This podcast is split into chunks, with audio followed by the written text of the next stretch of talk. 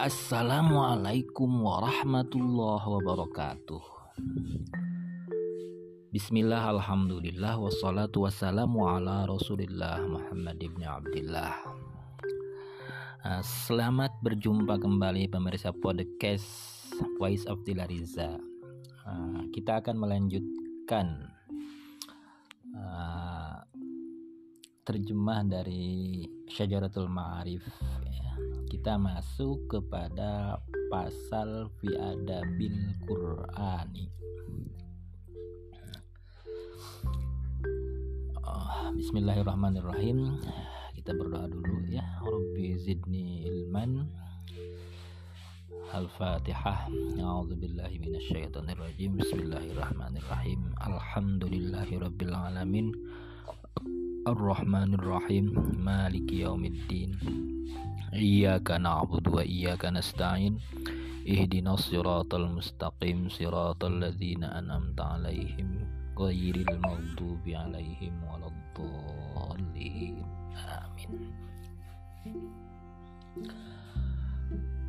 Faslun fi adabil Qur'ani. Pasal ini menjelaskan mengenai etika-etika Al-Quran.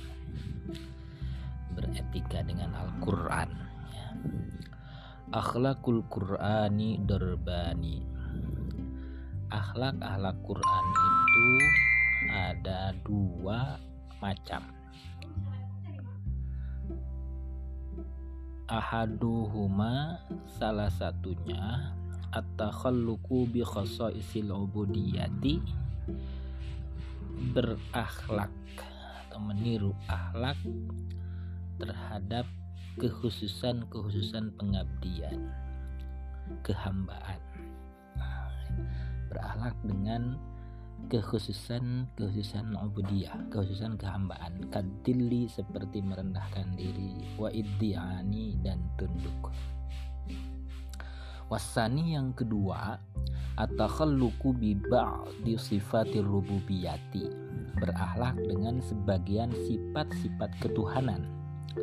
Kal adli wal ihsani seperti berlaku adil dan berbuat kebajikan. Fa inna sifatal ilahi fa inna sifatil ilahi karena sesungguhnya sifat-sifat Tuhan itu dorbani ada dua macam sifat-sifat Tuhan itu.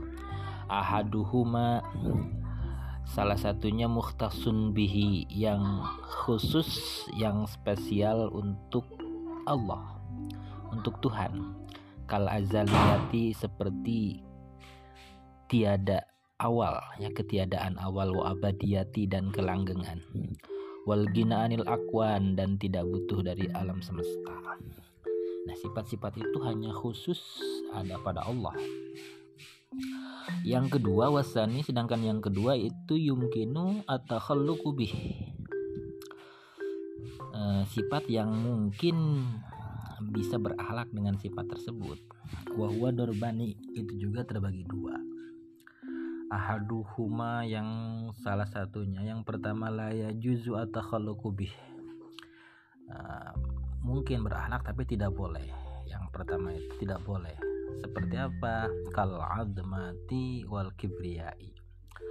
Nah, tidak boleh kita berakhlak dengan akhlak tersebut seperti merasa gagah sombong ya. Kal admati wal kibriyai merasa besar dan merasa angkuh sombong ya. Wasani sedangkan yang kedua ini uh, waradat asyariatu bitakhalluqi bih warodat ada apa syariat syariat bitakhalluqi bih untuk berakhlak dengan akhlak tersebut? Akal judi seperti dermawan wal hayai malu wal hilmi santun wal wafai dan memenuhi janji. Fatakhalluq bidzalika. Fatakhalluqu bidzalika maka berakhlak dengan akhlak-akhlak tersebut dengan uh, jud dengan uh, dermawan malu santun itu ala hasbil imkan uh, berdasarkan kemungkinan uh, kemungkinan bisanya ya.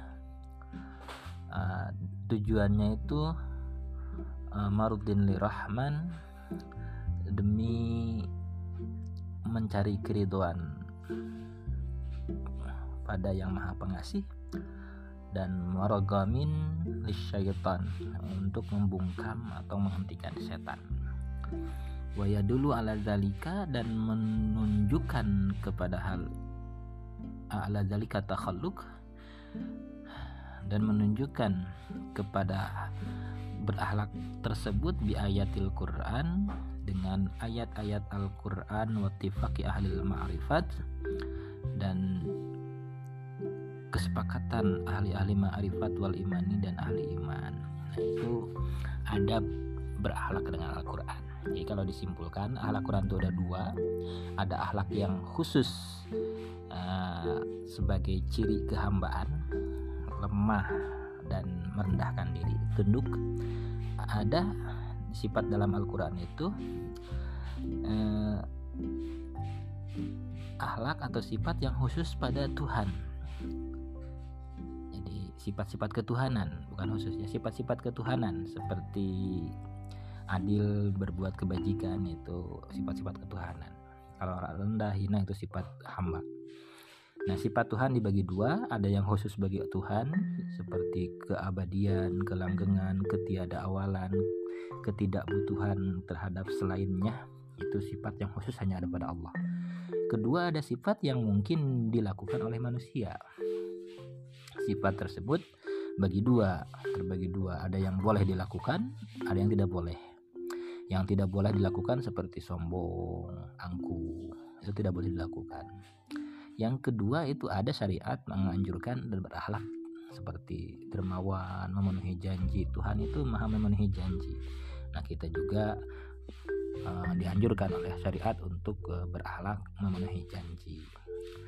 Uh, berakhlak dengan yang diperbolehkan itu sesuai kemungkinan sesuai kondisi situasi dan kondisi. Yang penting untuk mencari keriduan Allah yang maha pengasih ar-Rahman dan untuk membungkam uh, menghentikan syaitan.